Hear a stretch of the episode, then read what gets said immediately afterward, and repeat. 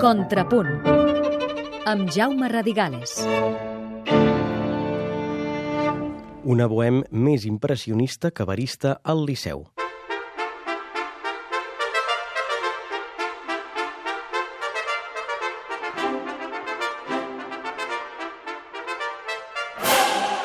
Bo sent una òpera del verisme, la Bohem no s'adscriu plenament a aquesta escola operística perquè Puccini hi va fer concessions a l'impressionisme. És clar que això pot fer caure en l'ús abusiu dels matisos i textures instrumentals fins a diluir el melodramatisme inherent a la partitura i desinflar-lo.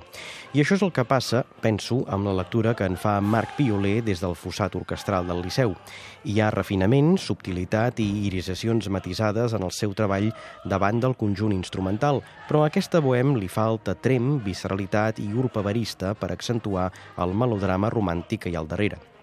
La producció de tot un veterà com Jonathan Miller és de manual. La seva bohem, ambientada a principis de la dècada dels 30 del segle XX, és clàssica i funciona sense trair res de l'original. I l'escenografia i el vestuari d'Isabella Bywater i la il·luminació de Gene Kalman contribueixen a l'excel·lència de la proposta. A l'escenari hi havia molts debutants i, per tant, molt d'interès a sentir algunes de les veus protagonistes, començant pel Rodolfo de Matthew Polenzani, tenor de veu homogènia, ni bonica ni lletja, de bona línia i generós en l'emissió, sobretot el tercer i quart quadres.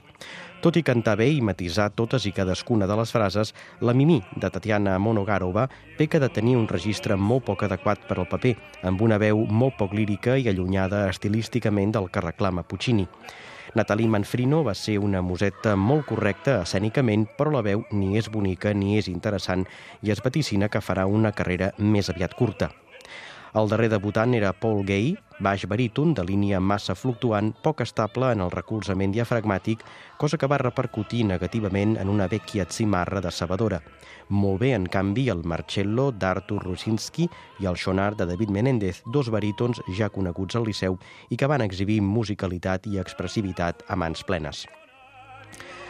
Amb aquest contrapunt s'acaba el periple contrapuntístic que aquesta veu ha fet durant 10 anys a Catalunya Música, la polifonia crítica de companyes i companys que han ocupat aquesta privilegiada tribuna s'atura aquí, i ho fa lamentant la decisió de no seguir amb el contrapunt que ha poblat durant una dècada aquesta emissora pública i que ha d'estar al servei de tothom.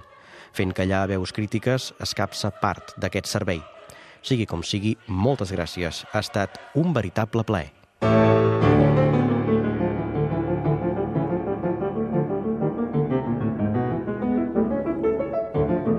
Contrapunt amb Jaume Radigales.